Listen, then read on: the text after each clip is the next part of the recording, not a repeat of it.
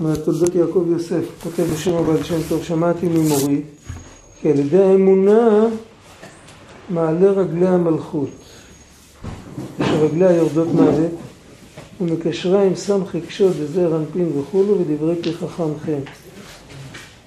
הכל תלוי באדם למטה, האדם יכול, גלו לאדום שכינה עם מים, אם בן אדם עושה מעשה אדום, אז הוא את השכינה בגלות, ואם הוא מתנהג כמו יהודי הוא מעלה את השכינה. אז אם הוא בוחר להאמין, עכשיו יש כאן, צריך להבין, מה פירוש על ידי אמונה קודם כל. הוא מאמין כבר. יהודי מאמין.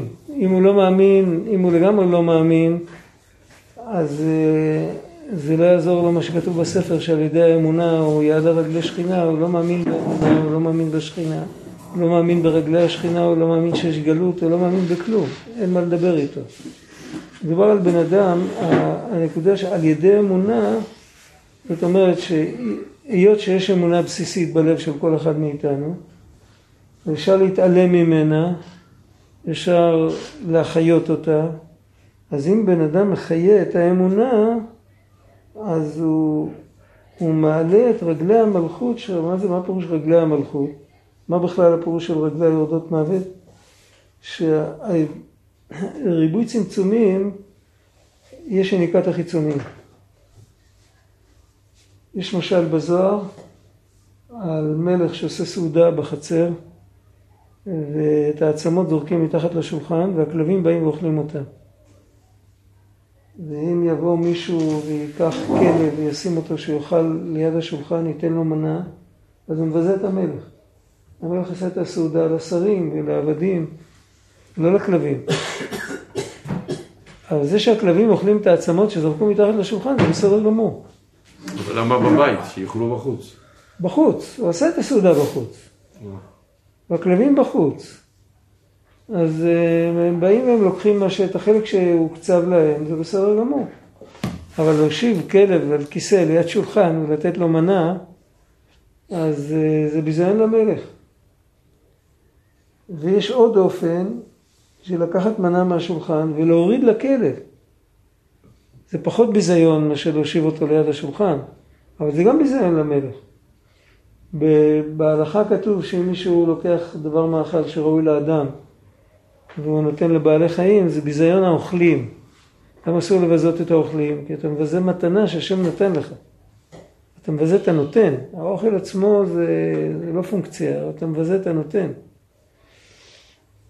כך כתוב בזוהר, זה המשל שניקת החיצונים, יש, יש החיצונים מקבלים, כל הכוחות הלא סימפטיים שיש במציאות, שהעניין שלהם זה, אה, בוא נגיד, אה, כל הנטיות או כל ההשקפות הלא מבוררות שיש, אז הם, הם צריכים לקבל שפע, אחרת הם לא יוכלו, יש להם תפקיד. התפקיד שלהם זה להסתיר ולהעלים ולפתות ולנסות. צריכים לעשות עבודה. בשביל לעשות עבודה צריך כוח. צריך כוח, אז צריך שפע מלמעלה. אז הם מקבלים את השפע כמו הכלבים שאוכלים את העצמות שמונחות מתחת לשולחן. זה השפע המקורי שיש להם. עכשיו אם בן אדם חוטא, אם הוא חוטא בגאווה, אז הוא גורם לקליפה שהיא תשב ליד השולחן. הוא מגביה את עצמו, אז הוא מגביה גם את הקליפה. ואז היא יונקת מ... מחיצוניות הכתר, היא יונקת מדרגות עליונות. אם בן אדם חוטא בתאוות, הוא משפיל את עצמו בכעס, הוא מוריד את עצמו למקומות נמוכים, אז כאילו שהוא לוקח שפע טוב, והוא שם מתחת לשולחן, לא עצמות, אלא את, את המנה שהוא קיבל, הוא נותן לכלבים. ושני הדברים האלה, זה, זה נקרא יניקת החיצונים מעבר למה שהוקצב להם.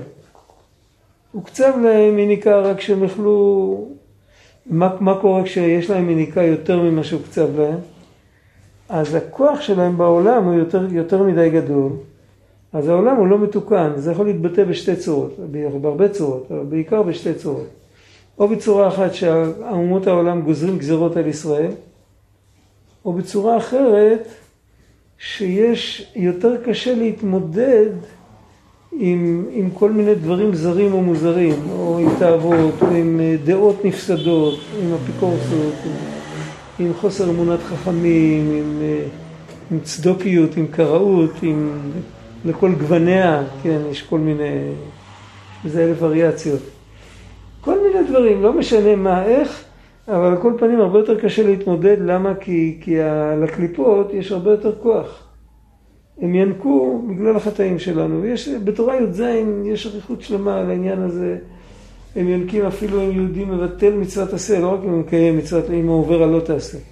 הכוח, הכוח דקדושה שהיה ממשיך על ידי מצוות עשה, והוא לא עשה את המצוות עשה, אז ירד לקליפות. אחר כך כשזה חוזר, באים מתגרים גרים, סיפור שלהם, יש שם תורה שלמה על העניין הזה. אבל על כל פנים צריך להבין שזה הסוד של הפסוק רגלי יורדות מוות, שהמלכות, החיצוניות של המלכות יורדת לקליפה, והיא בגלות בקליפה. זה הסוד אשר שבת האדם באדם, זה ה... מה זה נקרא גלות? בהקשר הזה זה גלות, זה כמו הרומאים היו תופסים שבויי מלחמה יהודיים והיו מכריחים אותם לחתור, היו קושרים אותם למקום, נותנים להם משות ביד ולחתור באוניות של הרומאים. הרומאים האלה היו נלחמים עם כל מיני עמים, בינם גם עם בני ישראל. השבוי היהודי היה מחזק את כוח, את, את כוח המלחמה של הרומאים, שלא, שלא, שלא באשמתו ולא ברצונו. לא נתנו לו אופציה, לא אמרו לו אם אתה לא רוצה נהרוג אותך, פשוט קשרו אותו והכריחו אותו לחתור. אז, אז, אז זה נקרא שהוא בשבי, הוא לא סתם בשבי, הוא בגלות. אז גם אם יהודי חוטא, אז הוא מוריד את האור של הקדושה בגלות, שהאור הזה מחיה עכשיו יותר קליפות ממה שהיה אמור לחיות. הוא מגביר את הכוח של הטומאה בעולם. וכשיהודי חוזר בתשובה, אז דיברנו פעם, יש תשובת המשקל. משקל בארמית זה למשקל מנהיו. להוציא מהם את מה שהם לקחו, לקחת מהם. שאם יהודי עושה תשובת המשקל, משקל כמו שכתוב ברמב"ם, בחז"ל, באותו מקום, באותו אישה, או שזה בעצם, זה, זה, יש הרבה דוגמאות על זה, לא משנה, אבל בכל אופן, את, עוד פעם קורה לו אותו, אותה סיטואציה והוא חוזר בו, והוא, והוא חוזר בתשובה, הוא נמנע מלעשות רע, או שהוא נמנע מלבטל את הטוב, עושה את הטוב, אז הוא מוציא חזרה את, ה, את, ה, את הרגלי היורדות מוות, את השפע הנוסף של, של הקליפות, מעלה אותם חזרה. עכשיו, אבל הרגלי היורדות מוות זה, בפשטות, זה עוד, זה עוד לפני שהבן אדם חטא, זה האפשרות שיכול להיות דבר כזה, כבר נקרא רגלי היורדות מוות. רגלי היורדות מוות זה לא בעקבות החטא, בפשטות. אני לא יודע, אולי אני טועה בדבר הזה, אני לא, לא בטוח. יכול להיות שאפשר להסביר בזה שתי, שתי צורות, אבל אפשר להסביר גם ככה. שהרגלי יורדות מוות זה לא הפשט שהיא יורדות למקום המוות, למקום הטומאה, נדמה שכתוב ככה. זה לא שהיא יורדת לתוך הטומאה. אם הבן אדם חוטא, אז היא מחיה את הטומאה. אם בן אדם לא יחטא, אבל יש לו בידו לחטוא, כן? אז, אז היא, היא נמצאת במקום, זה סוג של גלות גלות מסוג אחר, כאילו גלות שמשהו לא נמצא במקום שלו, זה גם גלות. ואם מנצלים את זה לרעה, אז הוא נופל בגלות לגמרי. זה ברור, זה... ככה, ככה אפשר להסביר את זה בפשטות. עכשיו, על ידי אמונה מתקנים את הרגלי היורדות מוות לגמרי. אם בן אדם לוקח את האמונה שלו ומתחזק בה, הוא לא סתם מאמין, אה, דיברנו על זה כמה פעמים, לפעמים בן אדם אומר שהוא מאמין, אם יחלקו שאלונים, וישאלו אם הוא מאמין או כופר, אז הוא יעשה את ה-V על המקום של האמונה. זה גם אמונה, אבל זה לא אומר לו כלום בחיים, זה כאילו אה, הצהרת עקרונות כזאת, שאין בינה לבין החיים המעשיים ולא כלום. האם בן אדם עובד על זה שהאמונה תדבר אליו, אז אה, זה, זה בדרך כלל, כנראה שזה לא מתכוון שהוא מתנהג לפי מה שהאמונה מחייבת, בפשטות.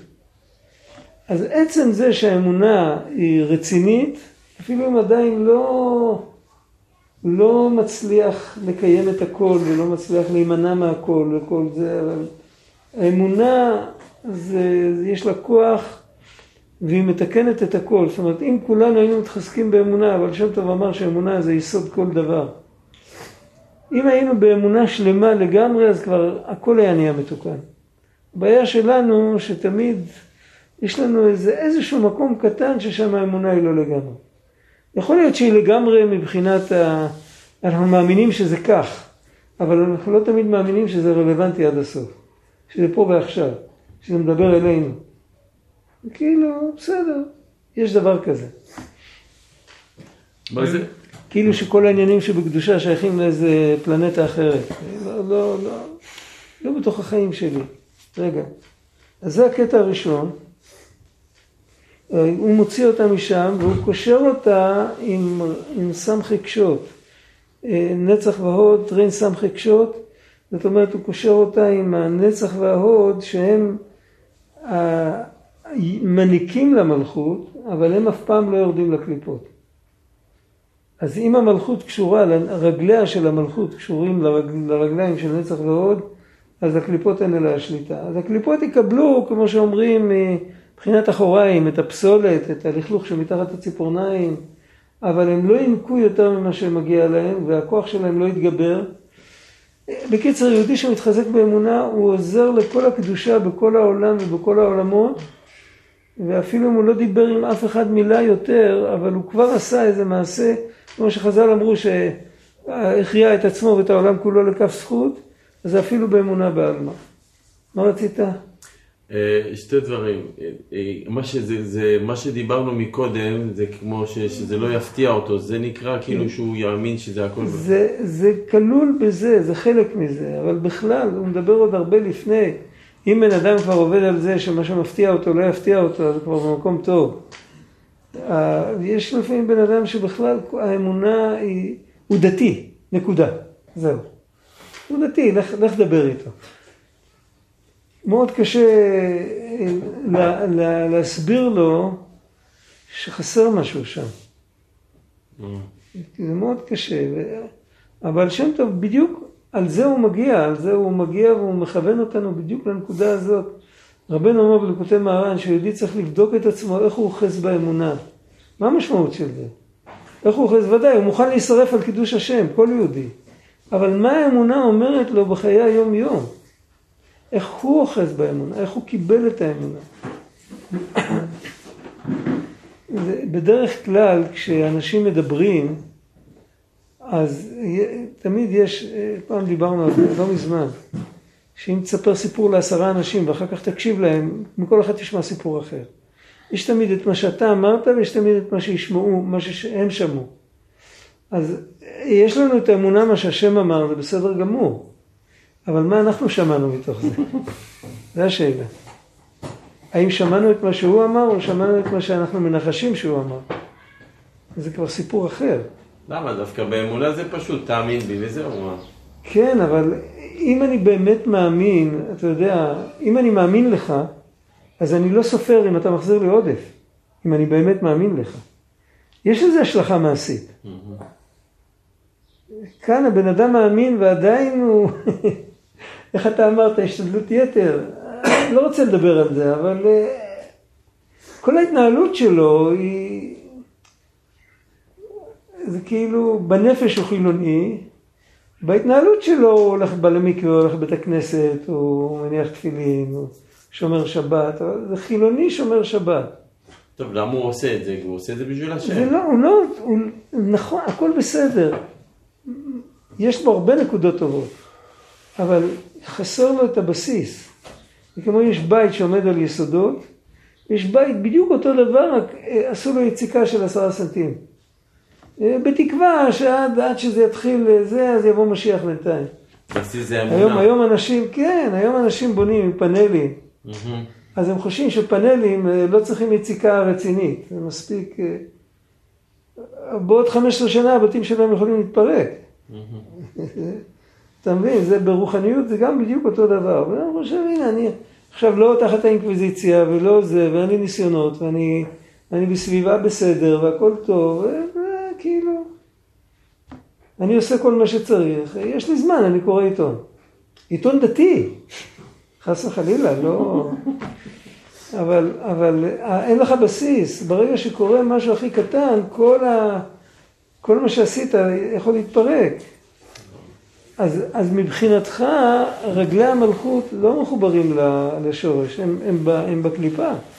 אבל אם בן אדם מתחזק באמונה, האמונה עצמה זה המלכות.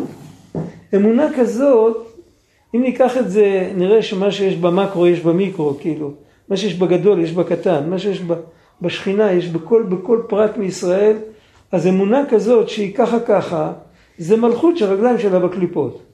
אמונה כזאת שמדברת אלינו, זה המלכות, כי הקליפה שלה מחוץ לקליפות, שהרגליים שלה מחוץ לקליפות. זה כמו בן אדם שהרגליים שלו בבוץ, נו, איזה מצב זה? לא מצב סימפטי. הוא בן אדם שלם, הוא לא חולה, הוא לא זה, אבל המצב שלו לא סימפטי. אז זה היה הקטע הראשון, הקטע הזה הוא פחות או יותר מובן. הקטע השני, אני לא מבין מה הוא בא להוסיף על הקטע הראשון. זה המשך של אותו מקום, צריך להסתכל במקור, יש פה תולדות יעקב יוסף, אין פה.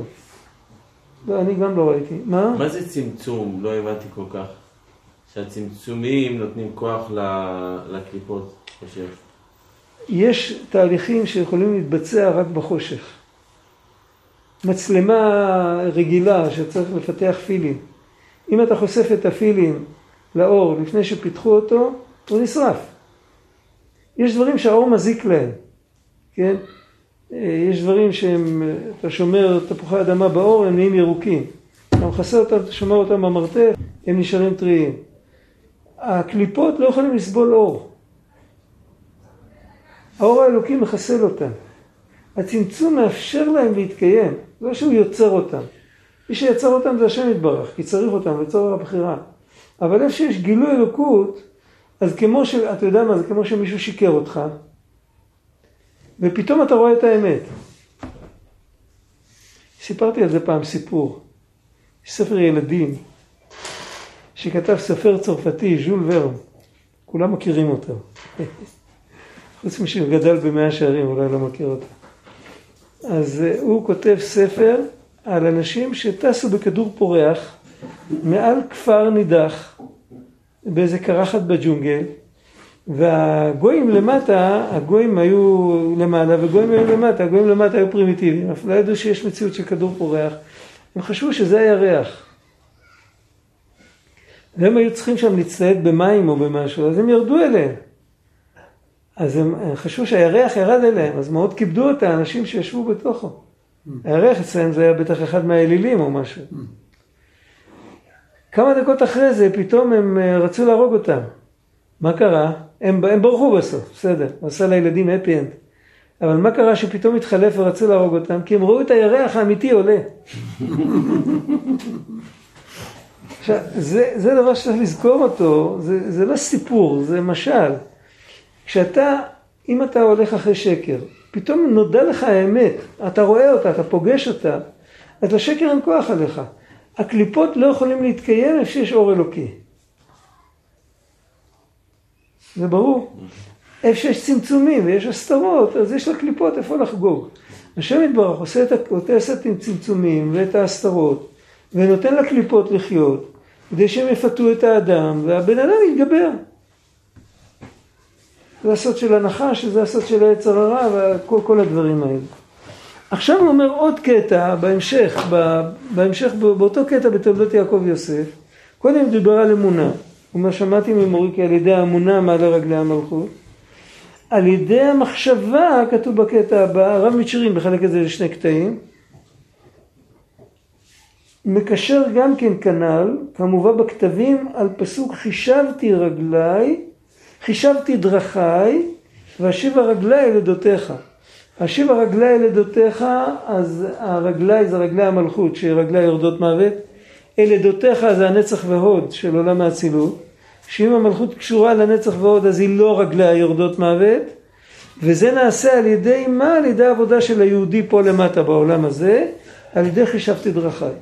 זה הוא מביא מהכתבים. הכתבים זה כתבי אריזה.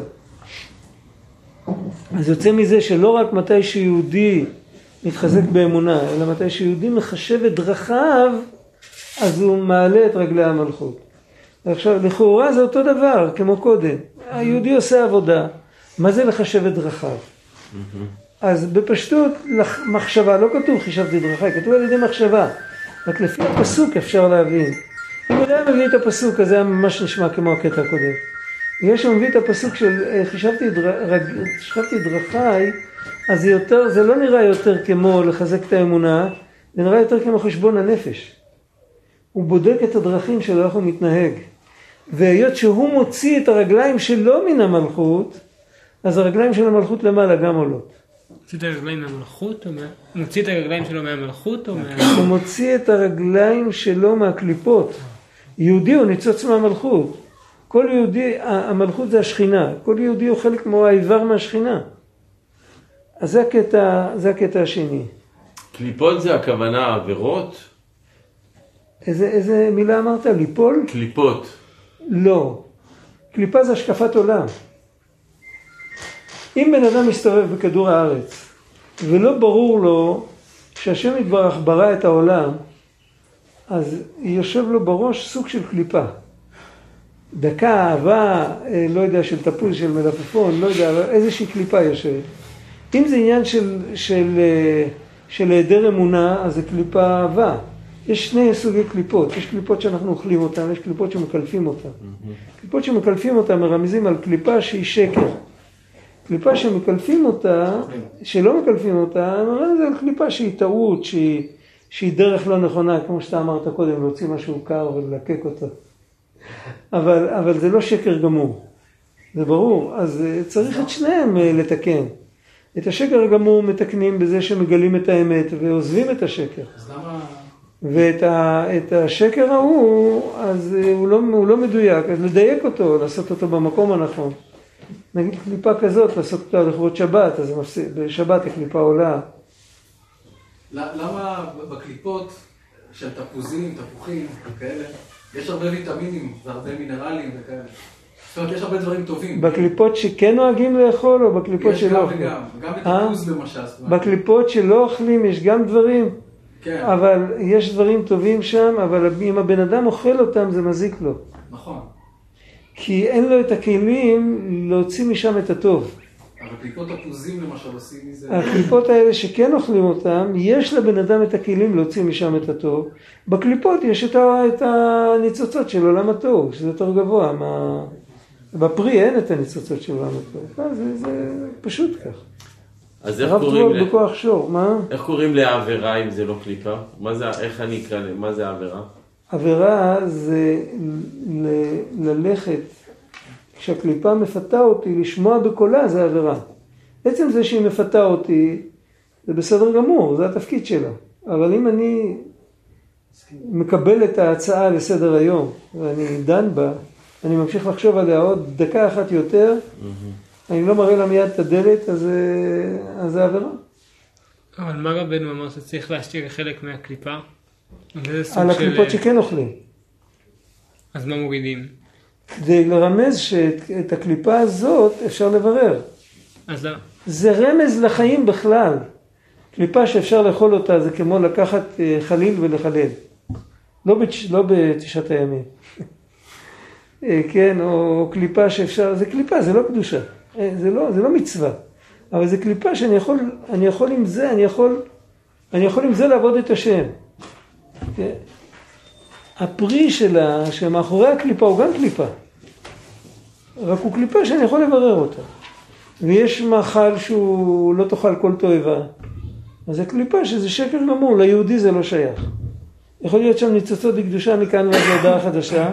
ליהודי אין שום כוח להגיע לקדושה שיש בדבר הזה. אז אסור לגשת מזה. אז למה כן מקלפים? אם זו קליפה שאפשר לאכול אותה, אז למה כן מקלפים אותה בכלל? לא, לא חייבים לקלף אה, אותה. רבנו אמר שאם מקלפים, שלא יקלפו עד הסוף. אה. זה רמז, זה כאילו להזכיר לבן אדם, מי שלא רוצה לקלף, שלא יקלף בכלל.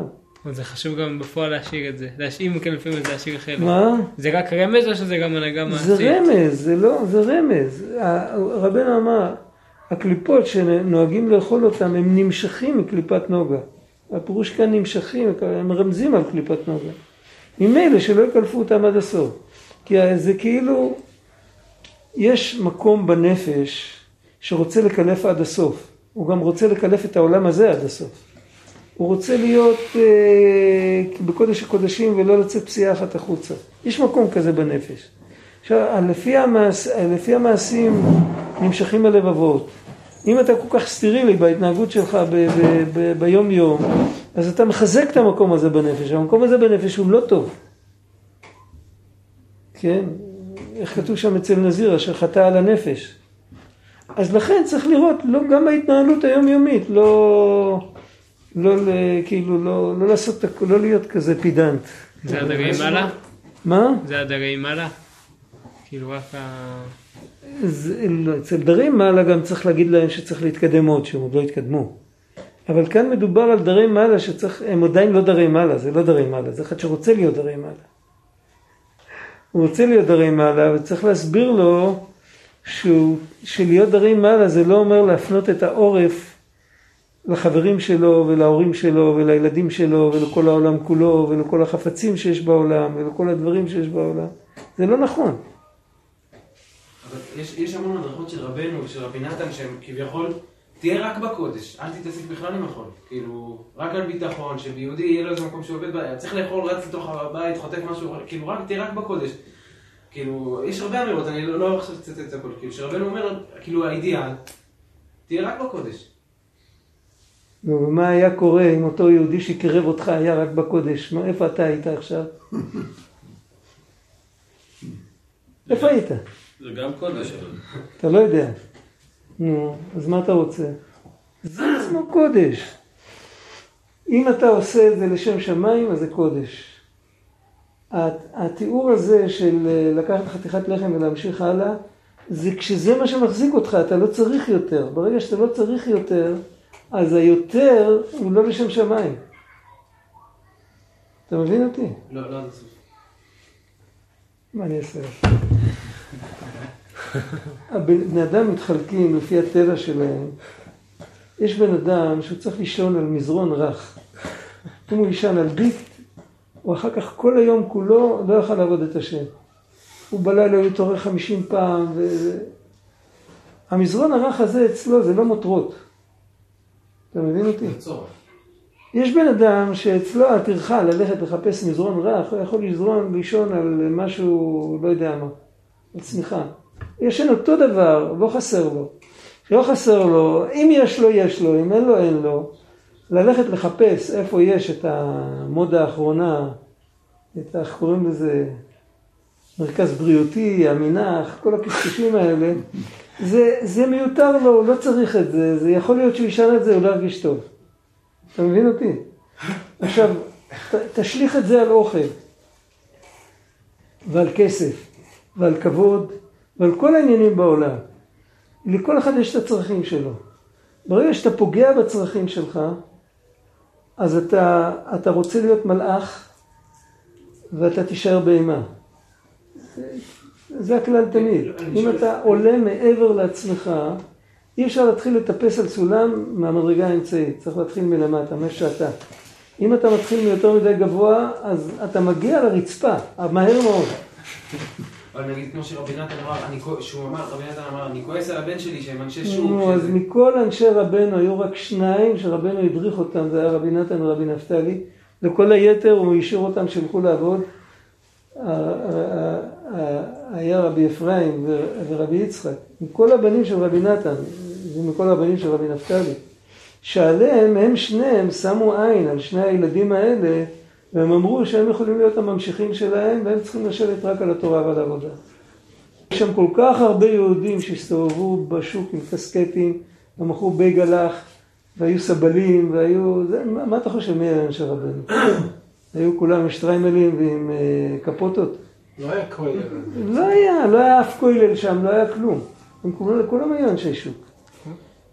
וברגע שאתה, אם יש לך צורך מסוים ואתה מתכחש אליו, והקדוש ברוך הוא גידל אותך ככה, שלך יש צורך ליהנות מהעולם בדבר מסוים, הדבר הזה מחכה שאתה תברר אותו. הסימן לזה זה הצורך שיש לך בדבר הזה.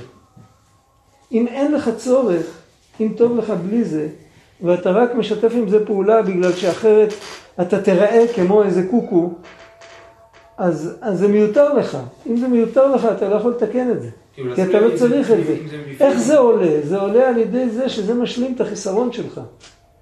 אתה מבין אותי? כאילו מבפנים ולא משהו מבחוץ. אם זה מבחוץ בשביל שככה דעת העולם, אז זה... אז זה לא טוב. אבל אם זה כאילו מבפנים אני מרגיש צורך לזה, אז זה דבר אה, שהוא כן... אה, אם אתה באמת צריך את זה, להרגיש זה עוד סיפור, זה כבר, אה, זה כבר עוד, עוד, עוד סוגיה. צריך לעשות שם בירור, צריך להתבודד על זה ולדעת אם אני באמת צריך את זה. אבל אם בן אדם באמת צריך משהו, והוא מונע מעצמו, אם בן אדם צריך כל יום לאכול שלוש ארוחות מסודרות ומלאות, כי אחרת הנפש שלו לא, לא רגועה, הוא ישתגע. הוא ישתגע בפועל, הוא יגיע לטלביה שם. והוא רוצה ללכת בדרך הזאת של לחטוף חתיכת לחם ולהמשיך ללכת ללמוד, או להתפלל, או, או לרוץ לקבץ נדבות בשביל עניים, אז הוא חוטא. עכשיו הוא חוטא פעמיים, פעם אחת הוא חוטא כי הוא מונע מעצמו לעבוד את השם, הוא השתגע בסוף, פעם שנייה הוא חוטא כי כל אותם דברים, זה לא סתם, זה הרי הכל מכוון מטרה. כל אותם דברים, כל השלוש ארוחות המלאות האלה שהוא צריך לאכול אותם כדי שהוא יוכל לעבוד את השם, למה הוא נברא אחד כזה שהוא צריך את כל הארוחות האלה? כי העניינים האלה שנמצאים בארוחות, הדברים האלה, הם מאותו שורש נשמתו, ורק הוא יכול לתקן אותם. אז לכן הוא זקוק להם, לכן הוא נברא עם גוף כזה שהוא זקוק להם. זה ברור? זה ברור. אז אם אחד שזקוק לזה, זה, זה, זה מה שחז"ל אמרו, שהוא צייר עצמו מן היין. יש הרבה אנשים שמצערים את עצמם מן היין, הם לא נודרים בנזיר. ואף פעם לא מצאנו שאחד ממגידי המוסר הגדולים יגידו לאנשים, אה, רואים עליך איזה פגם על המצח שאתה כבר חודש לא שתית יין. לא מצינו דברים כאלה. אבל אם בן אדם לוקח ונודר שהוא לא ישתה יין, אתה לא יודע מה ילד יום, אולי מחר אתה תצטרך את זה. וכשתצטרך את זה, המשמעות של זה שהיין צריך אותך, שאתה תשתה אותו כדי שתעלה אותו. ואם אתה נודר, אתה סוגר לעצמך, אתה, אתה סוגר את האפשרות הזאת. אתה יכול לא יכול כן לשתות, אבל אל תנדור. כי בנדר אתה סוגר את זה לעד ולנצח נצחים, עד שתתיר את הנדר. אותו דבר בעניין הזה שאנחנו מדברים פה, שאם בן אדם, זה הכל באשמתך, אתה עם הקליפות, אם בן אדם מקלף עד הסוף כל דבר, זאת אומרת, לא מקלף עד הסוף, הוא מקלף בעצם את העולם, הוא, הוא כאילו, יש לו דם כחול, הוא לא צריך שום דבר, והוא באמת כן צריך. אתה מבין מה שאני אומר? אז על זה יש את הדיבור, כאילו, אתה, אתה לא במקום הזה שצריך לקלף עד הסוף. תסתכל מה אתה באמת צריך ותהיה שם.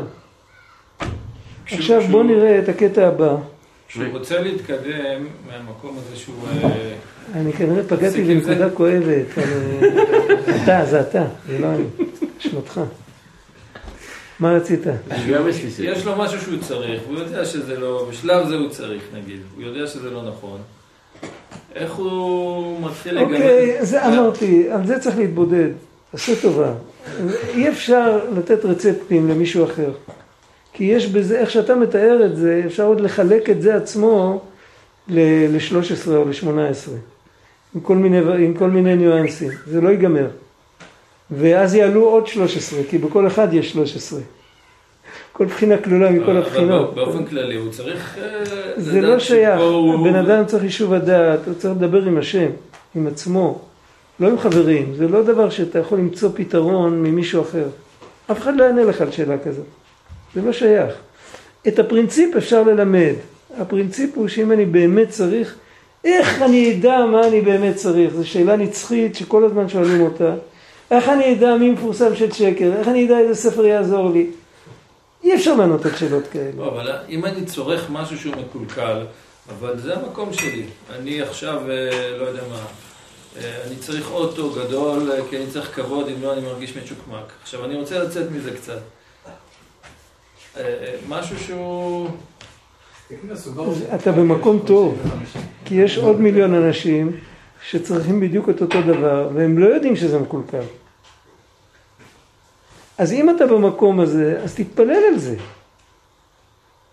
תתפלל שהשם יפתח לך, את, יפיל לך את האסימון, שתראה עד כמה זה מצחיק. אפילו... אתה היית רוצה להיות במקום של אחד כזה שאם עושים לו שריטה על האוטו הוא כל כך מתבייש כמו שיש לו שריטה על הפנים? לא היית רוצה להיות במקום הזה. אז אתה התקדמת, אתה לא יודע כמה מדרגות, כי יש אנשים כאלה גם כן. זה ברור? אז, אז כמו שהגעת למקום הזה, ככה אתה יכול להגיע להלאה. בדיוק באותו דרך, וגם את זה אף אחד לא לימד אותך. יש דברים שנשמת אדם תלמדנו, אי אפשר ללמד דברים כאלה. באמת אי אפשר. אי אפשר, לדבר על זה כאן זה, זה, זה חבל. זה לא, זה... יש תורה ויש תפילה. מה שתפילה יכולה לעשות, תורה לא יכולה לעשות. יש דברים שצריך להתפלל עליהם, אי אפשר לדבר עליהם. אבל זה רק עבודה של תפילה? ב- ל- ל- ל- בפשיטות לגמרי, תתפוס פינה ותגיד ריבונו של עולם, אני לא יודע מה שנעשה איתי, אין לי יישוב הדעת. האסימונים הפסיקו ליפול לי, ואני לא מקבל שום שדר, ואין לי קליטה. ואנא, תשחרר לי משהו שם, תסדר לי משהו בתקשורת, שאני אתחיל להבין מה קורה איתי. זה, לא תפילה טובה. זו תפילה נהדרת, התפילה הכי טובה בעולם.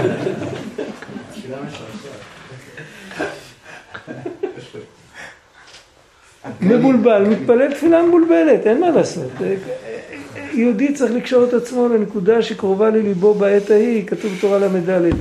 לא הולכים ללמוד את זה ממישהו אחר, זה זיוף, זה כמו להעתיק ממבחן, זה לא כן, נכון. אבל בזה שאנחנו מדברים על זה, אז זה- אז זה כמו שאתה אומר, זה מפיל לנו את האסימון שצריך להתפלל על זה. נכון, שצריך להתפלל, אבל לא בדיוק על מה. בדיוק לא על על מה, מה, כל זה- הפרטים, זה אף אחד לא יכול להגיד. כל אחד יודע בדיוק, יודע איש נגאל לבבו, כל אדם יודע את מכאובי ליבו, מכאובי נפשו, איך קוראים לזה שם. אין אדם יודע מה שבליבו של חברו, אי אפשר, זה לא שייך, זה כל כך לא נכון. אבל יש איזה משהו שמתחילים איתו, כאילו שצריך להסביר לבן אדם, שלהגיד לו מה... בן אדם צריך לדעת שמה שהוא צריך, עם זה הוא צריך להשתמש. מה שהוא לא זקוק לו, הוא יכול להשאיר אותו בצד. זה, זה הלימוד. עכשיו איך, מה, מה זה נקרא זקוק לו? אם זקוק לו זה נקרא בשביל מחזור הדם, או בשביל אה, רוגע בנפש, או בשביל אה, לא להתבייש מהשכן, או בשביל... זה כבר כל אחד צריך להתמודד עם עצמו, זה, אין בזה שולחן ערוך, תבינו את זה. עבד לא- לרוץ- לפניו כתוב. אין הכי נמי, אז מה אמר הקוצקר? לתת לטיפש את השטות שלו זה גם גמילות חסד. נו, אז, אז יש כאן, זה צורך, אבל אם תהיה חכם זה לא יהיה צורך. אז האמירה הזאת של הקוצקר עצמה היא כבר אומרת לנו שאי אפשר להבין כאן כלום. שצריך רק להתפלל על זה. זה כל כך פשוט. מה שהבטיח השם יתברך ליעקב הארץ וגומר לך את ננה אז זה לא רק ארץ ישראל, היינו הארץ העליונה נחלה בלי מצרים. עכשיו הארץ העליונה זה המלכות.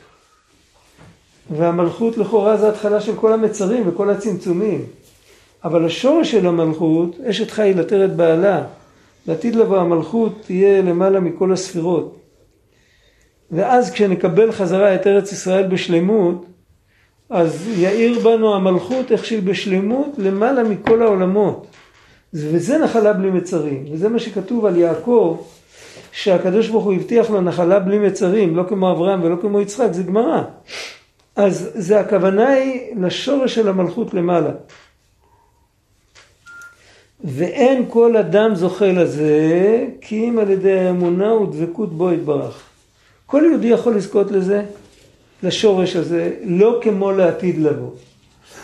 אבל כל, איך שאפשר לזכות לזה עכשיו, כל יהודי יכול לזכות לזה, אבל יש תנאי. מה זה התנאי? שני דברים, אמונה ודבקות. אז על אמונה הוא כבר דיבר קודם, שצריך להחיות את האמונה, לא רק אמונה הצהרתית בלבד, מילוי שאלונים, כאילו, כמו, כמו לקבל תעודת, תעודת זהות חדשה. אמונה צריך לחיות אותה. זה דבר אחד. עכשיו, הדבקות זה כבר עוד עניין. הפשט הפשוט של דבקות, ככה כתוב בכל הספרים,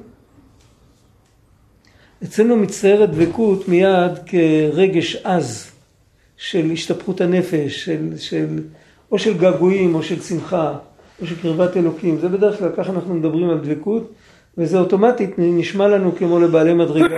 בעלי מדרגה, מדרגה גבוהה, אבל האמת שדבקות זה כל מקום שבן אדם מרכז את הכוחות שלו ומוסר אותם להשם יתברך, זה דבקות. אם בן אדם קוצר חיטים למצע שמורה, כן? או שבן אדם מנקר את גיד הנשה מאיזה בעל חי, הוא עושה את זה בהתמסרות מוחלטת, שלא יבואו מים על החיטה ושלא יישאר חתיכת אה, חלב או גיד בתוך, בתוך הבהמה ויהודים לא ייכשלו.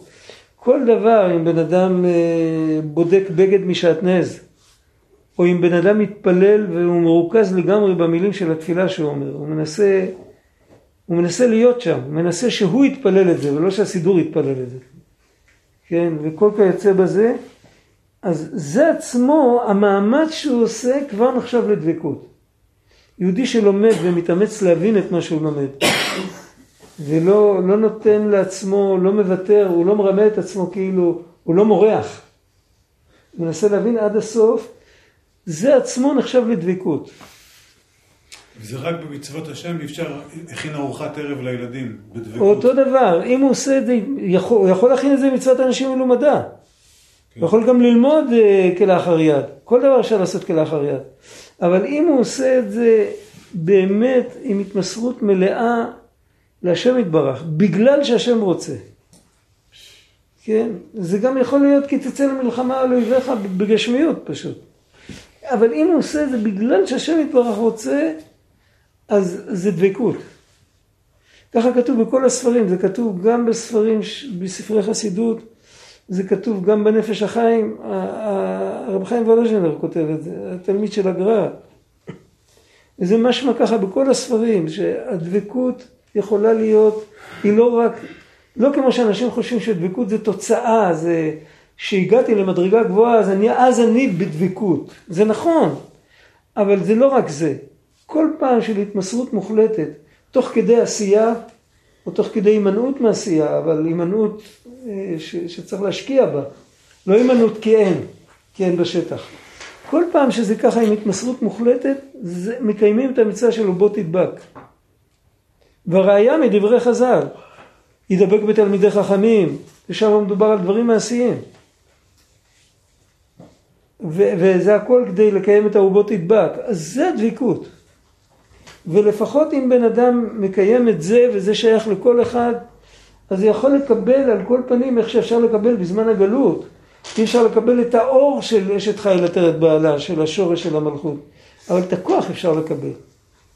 אז כאן זה עוד, עוד דרגה, זה לא רק שאין רגליה יורדות מוות, אלא שהיא היא עולה בתכלית העלייה, ומשם היהודי יכול לקבל את הכוח שלו. כי איפה שהמלכות עולה, אז היהודי עולה, כי היהודי הוא איבר מהשכינה, הוא איבר מהמלכות. אז היא, והיות שהוא העלה את השכינה, על ידי האמונה ועל ידי הדבקות, אז הוא מקבל חלק בראש, אז הוא מקבל חלק מה, מהרווח שנעשה על ידי זה.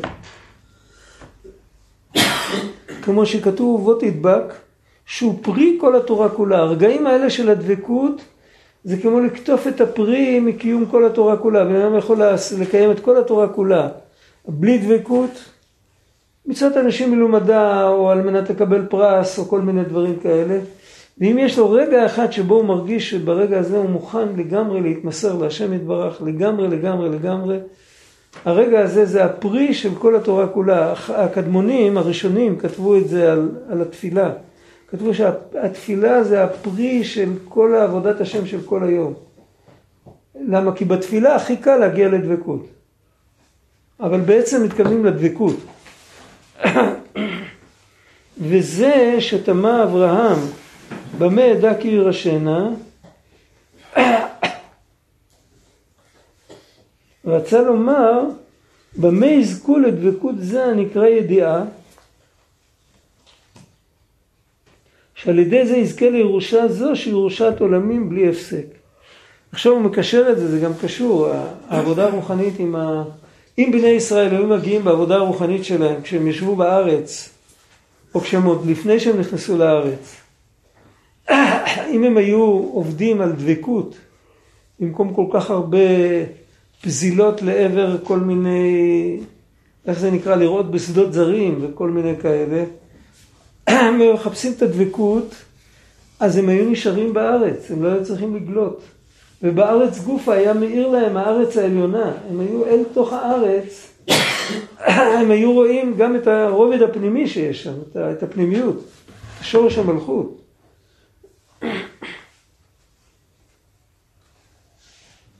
ועל זה אברהם אבינו שאל, איך אני אדע כאילו, מה אני צריך לדעת כדי לגרום להם שיישארו בעבודה הזאת של הדבקות?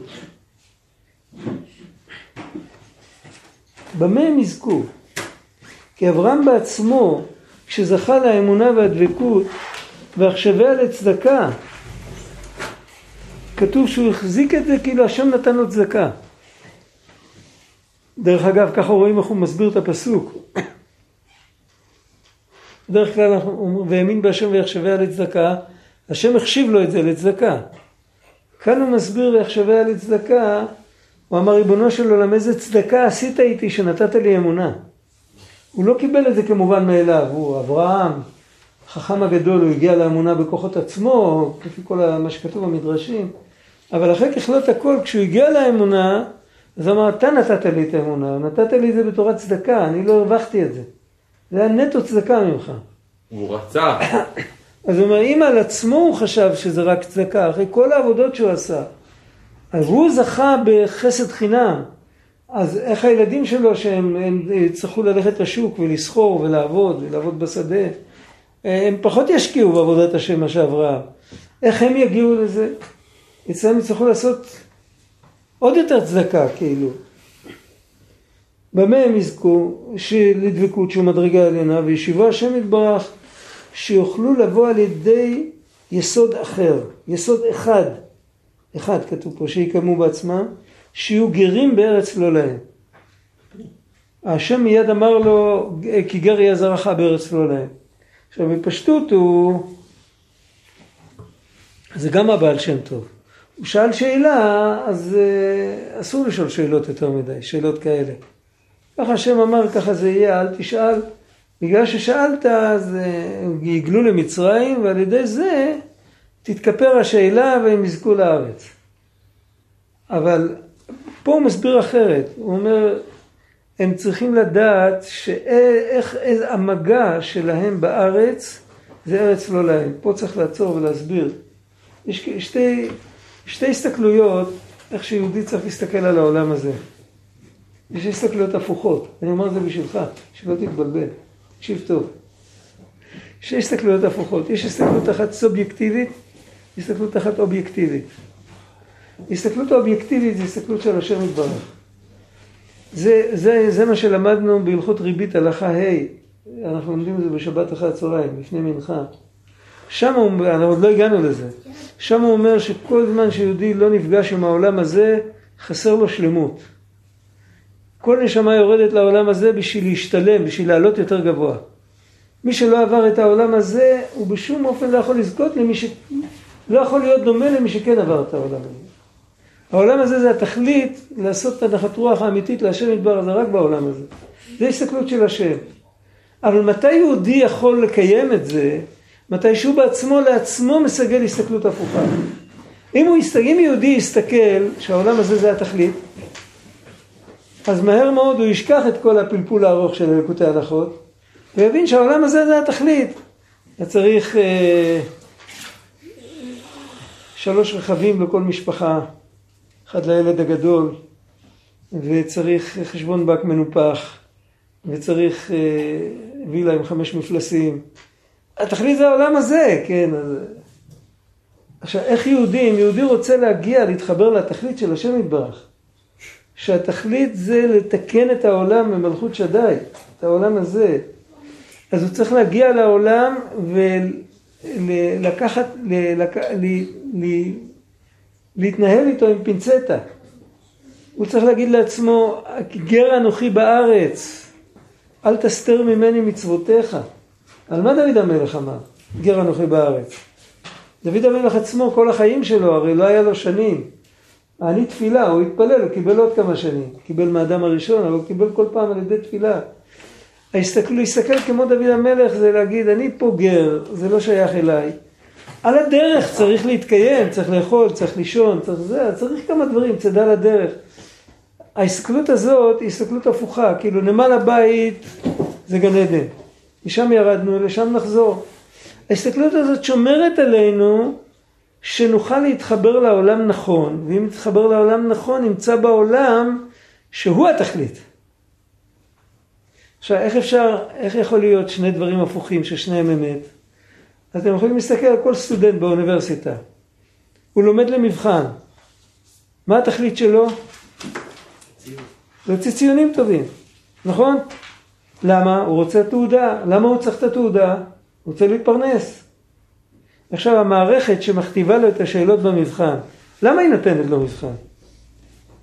כדי שיהיה לו תעודה שיוכל להתפרנס? היא נותנת לו מבחן כדי לזרוק, לזרוק החוצה את אלה שלא למדו. כשהם יבנו גשר, אז הגשר ייפול. כשירפאו חולה, אז החולה ימות. אז בשביל זה נותנים מבחנים. אז התכלית של המערכת זה שהוא ילמד. והתכלית של הסטודנט זה, התכלית של המערכת זה המבחן כדי שהוא ילמד. והתכלית של, ה, של הסטודנט זה שהוא לומד בגלל המבחן. פה המבחן זה העיקר, ופה הלימודים זה העיקר, זה שני דברים הפוכים. ושניהם אמת. אתה לא יכול להביא את הסטודנט ללמוד אם לא תיתן לו את ההרגשה שהמבחן זה התכלית. אתה לא יכול להביא את היהודי לעבוד את השם בעולם הזה אם לא תיתן לו את ההרגשה שהעולם הבא זה התכלית. אבל בתכלס, למה הקדוש ברוך הוא רוצה ממנו ש... שידע שהעולם הבא זה התכלית? כדי שהוא יהיה, כדי שהוא יעבוד את השם בעולם הזה. זה התכלית. מצד השם יתברך זה התכלית. זה ברור. עכשיו, ממילא, אז במה ידע כי ירשנה? ירשנה זה התכלית האמיתית. זה ארץ ישראל, זה המלכות, זה שורש המלכות, זה מה שיתגלה לעתיד לבוא. לעתיד לבוא לא יצטרכו יותר את, ה, את המבחנים. לא יצטרכו יותר את ה, להגיד שהגן עדן זה התכלית ופה אתה גר אנוכי בארץ. לעתיד לבוא יוכלו להראות על מקום המקדש ועל, ועל ארץ ישראל ועל כל העולם כולו, זה התכלית. זה עיקר שכינה בתחתונים הייתה, הקדוש ברוך הוא צריך להתגלות פה, הנה עכשיו הוא יתגלה פה. אבל על הדרך עוד לא הגענו לתכלית הזאת, אז אנחנו צריכים לאמץ את האמירה של גר אנוכי בארץ. ולכן השם אמר לאברהם, כי גר יהיה זרעך בארץ לא להם. הם ייכנסו לעולם הזה, ואם הם ירגישו שבעולם הזה הם גרים, והעיקר זה להגיע לעולם הבא נקי, אז הם יעשו את כל הדרך, הם יצליחו במבחן, ואז יתגלה להם שהשורש, המלכות העליונה, היא למעלה מכל המבחנים, למעלה מכל הגן עדנים, והתכלית זה לעשות נחת רוח להשם יתברך. כשמגיעים לשם, אז וימלא כבודו את כל הארץ, אמן ואמן. הארץ לא להם תהפוך להיות הארץ שבה כבוד השם מתגלה. זה ברור? אז מתהפך כאן משהו. אבל בכל סיפור טוב, לפני הסוף מתהפך משהו. זה נשמע כמו הפטנט של הפרס. אני לא שומע טוב. זה, אני לא זה קצת צורם לי, כי זה נשמע כמו הפטנט של הפרס. הפטנט של? הפטנט של הפרס. זה הפטנט פרס. של הפרס, נכון. כן, אז אין מה לעשות, זה כאילו, פטנט של פרס. אומרים את זה כאילו על מצורה של אה, זה, פיגור אבל מצד בעבודה. שני, לא, נכון, נכון, נכון. לעולם יעסוק אדם בתורה ומצוות. שלא עולה. בשם גן עדן, זה לעולם, זה... חייבים להתחיל עם זה, למה? אז זה לא אשמתנו. זה גם לא אשמת השם יתברך. הקדוש ברוך הוא רוצה לתת לנו בחירה.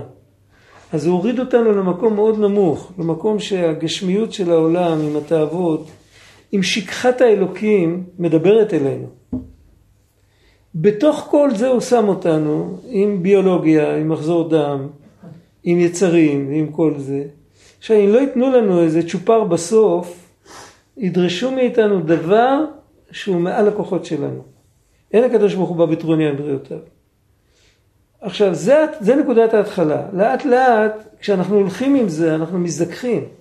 ככל שבן אדם מזדכך יותר, השלא לשמה שלו הופך להיות יותר עדין. בסוף זה הופך להיות שלא לשמה, הוא מבין את כל מה שדיברנו. הוא יודע שזה רק, שזה רק בינתיים. Mm-hmm. אז ממילא זה כבר לא יכול להזיק יותר. אבל אין ברירה, אם אתה רוצה עם החבל להגיע למישהו מאוד נמוך, צריך לשחרר יותר חבל. זה, זה המציאות. אז צריך להרגיש שהעולם הוא לא הבית שלנו, לא נמל הבית שלנו. עכשיו מובן יותר הקטע הזה של לחטוף חתיכת לחם. זה לא הבית שלי, אני צריך את הלחם, הייתי מוצא דה לדרך. יש לי סנדוויץ'. אני כל החיים שלי אוכל סנדוויצ'ים, כי אני תמיד בדרך. אני כל יום אומר תפילת הדרך ואוכל סנדוויצ'ים. עכשיו, מה הנקודה? הנקודה היא, אם אני יכול לחיות ככה, אז זה בסדר גמור. אבל אם אני לא יכול לחיות ככה, אז אני לא עושה את העבודה. הרי העבודה הזאת שיהודי עושה, זה, זה, צריך ליישר קו. כולם צריכים להתקדם איתו ביחד. הוא מתקדם, כמו ליישר קו באימון כיתה, או, ב, או ב, ב, בפעולה אמיתית. אם אתה אחד רץ קדימה יותר מדי, יורים לו בגב מאחורה. זה ברור. אתה לא יכול ללכת עם רגל קדימה ורגל אחת שתישאר אחורה. כשהיהודי מתקדם, אז כל העולם וכל העולמות חייבים להתקדם איתו. רק לפעמים העולם, העולמות האלה לא שייכים אליי, הם שייכים למישהו אחר. פה נקודת הבירור. אם אני צריך יותר, אז, אז אני צריך להתקדם עם זה. אם אני צריך פחות, סימן שאלה בירורים של חבר שלי ואני צריך פחות. זה הנקודה. אבל הנקודת המוצא, זה נקודת מוצא בדרך, זה לא התכלית. אוי ואבוי, לעתיד לבוא לא נרגיש גר אנוכי בארץ. לעתיד לבוא גם לא נצעק, אז אל תסתר ממני מצוותיך. זה לא אמירה שמתאימה לעתיד לבוא. זה ברור. הכל יהיה גלוי. נגלה כבוד השם, ראו כל בשר יחדיו כפי השם דיבר. יש, אה, יש הנהגה גם עכשיו, לא רק לעתיד לבוא, שהעבודה של, אה, רואים צדיקים שעושים סעודות, עושים, יש להם עבודה שהם כאילו, הם לא גר בארץ, הם, הם- הם, הם- הם מייחדים, הם, כן, הם, אבל- זה לא, זה הבבא שלב, סאלי, כן. הבבא סאלי, אתה יודע מה שהוא היה עושה בסעודות האלה? מי שהסתכל עליו, מי שהיה לו את השכל, הוא כמעט לא נגע בכלום. כן, אבל זה לא, כן, אבל זה עובדה, הוא. פתח שולחן והוא בעצמו לא נגע בכלום. והיו עוד הרבה כאלה. היו כאלה גם שאוכלים יש. תוספות, שלעולם לא נהניתי, אז, כן, לא ו- אז יש לו, כן. שהם היו אוכלים והוא לא היה אוכל, יש תוספות. אז, אז זה מאוד מורכב, עוד פעם, אתה נכנס לפרטים יותר מדי, זה, זה מכשול לגמרי, זה אי אפשר, זה לא שייך. היה ידוע, היו כאלה שנהגו יותר ברחבות, והיו כאלה שפחות. סיפור עם החידוש הערים היה פעם סיפור. הוא לא היה מאלה שנהגו ברחבות. הוא אמר פעם למישהו, זה הכל הבל, אז השני ענה לו, הכל, אה, כל פעל השם למענהו, או הכל ברא לכבודו. אז צריך להבין באיזה מקום הבן אדם נמצא. אם הוא נמצא במקום שצריך ללכת בדרך הזאת, אז זה עושה את התיקון. אם הוא נמצא במקום שהוא יכול ללכת בדרך אחרת, אז זה לא עושה שום תיקון, כי זה מיותר. העיקר שזה יהיה אמיתי, שזה לא יהיה מלאכותי. רצונו לומר שיחשבו עצמם גרים בארץ, בעולם הזה, שידעו כי הוא לא להם רק לפי שעה, שיכינו צידה לדרך של עולם הבא, שהוא להם במוחלט, ואז לא יעשו עיקר מענייני עולם הזה, רק בענייני עולם הבא, הם לא ילכו אחרי הגשמיות. שהוא להם ירושה עולמית, ובזה יצאו מהעולם הזה ברכוש גדול. ובזה יצאו ברכוש גדול, הוא גם מסביר על אותו עניין, לברר כל הניצוצות על ידי תורה ותפילה, ואכילה ושתייה, שהכל בסוד בירורים, שזה בחינת בכל דרכיך דאו, זה שאמר השם יתברך ליצחק, גור בארץ הזאת ואהיה עמך. אני אהיה עמך כי אתה גר, אם תהיה תושב אני לא אהיה איתך. שאזכה לדבקות שמו הגדול וכולו, פרשת וישב, ועל ידי זה שיגיע לעתיד לבוא, אז כל העולמות באמת יעלו. זאת אומרת, הבירור של העולם הוא בזה שמשתמשים בו ולא בזה ששוקעים אל תוכו. אם בן אדם שוקע בתוך משהו, הוא לא יכול לתקן אותו. אם בן אדם משתמש במשהו, הוא יכול לתקן אותו. וזה כל בן אדם, אתה יכול לבדוק בעצמו, אם הכי רואים את זה עם כסף. יש לפעמים שהכסף שולט באדם. זה אנשים שיש להם הרבה כסף. אין להם, לכסף יש אותם, לא, לא, לא להם יש כסף. אבל אותו דבר בכל דבר, אם הבן אדם, הבחינה הפשוטה, אם הדבר שולט בי או שאני שולט בדבר, הרבי פלססה כותב את זה. הוא כותב, אני לא אומר לך לא לאכול זה ולא לאכול זה ולצום. תאכל מה שאתה רוצה, תשתה יין, תאכל בשר, תעשה מה שאתה רוצה. אבל אתה, יכול, אתה חייב להיות אחד כזה, שאם תגיד לעצמך, היום לא, אז תעמוד בזה. אז, זה הוכחה שהדבר הזה לא שולט בך. אבל אם אתה לא יכול, אם אתה אפילו חמש דקות לא יכול, אז הדבר הזה שולט בך, לא אתה בו. אם דבר שולט בי, אני לא יכול לתקן אותו. אני לא יכול לברר אותו. זה צריך לזכור. זה, בבני מחשבה טובה הוא כותב את זה. כדאי לקרוא את הספר. זה...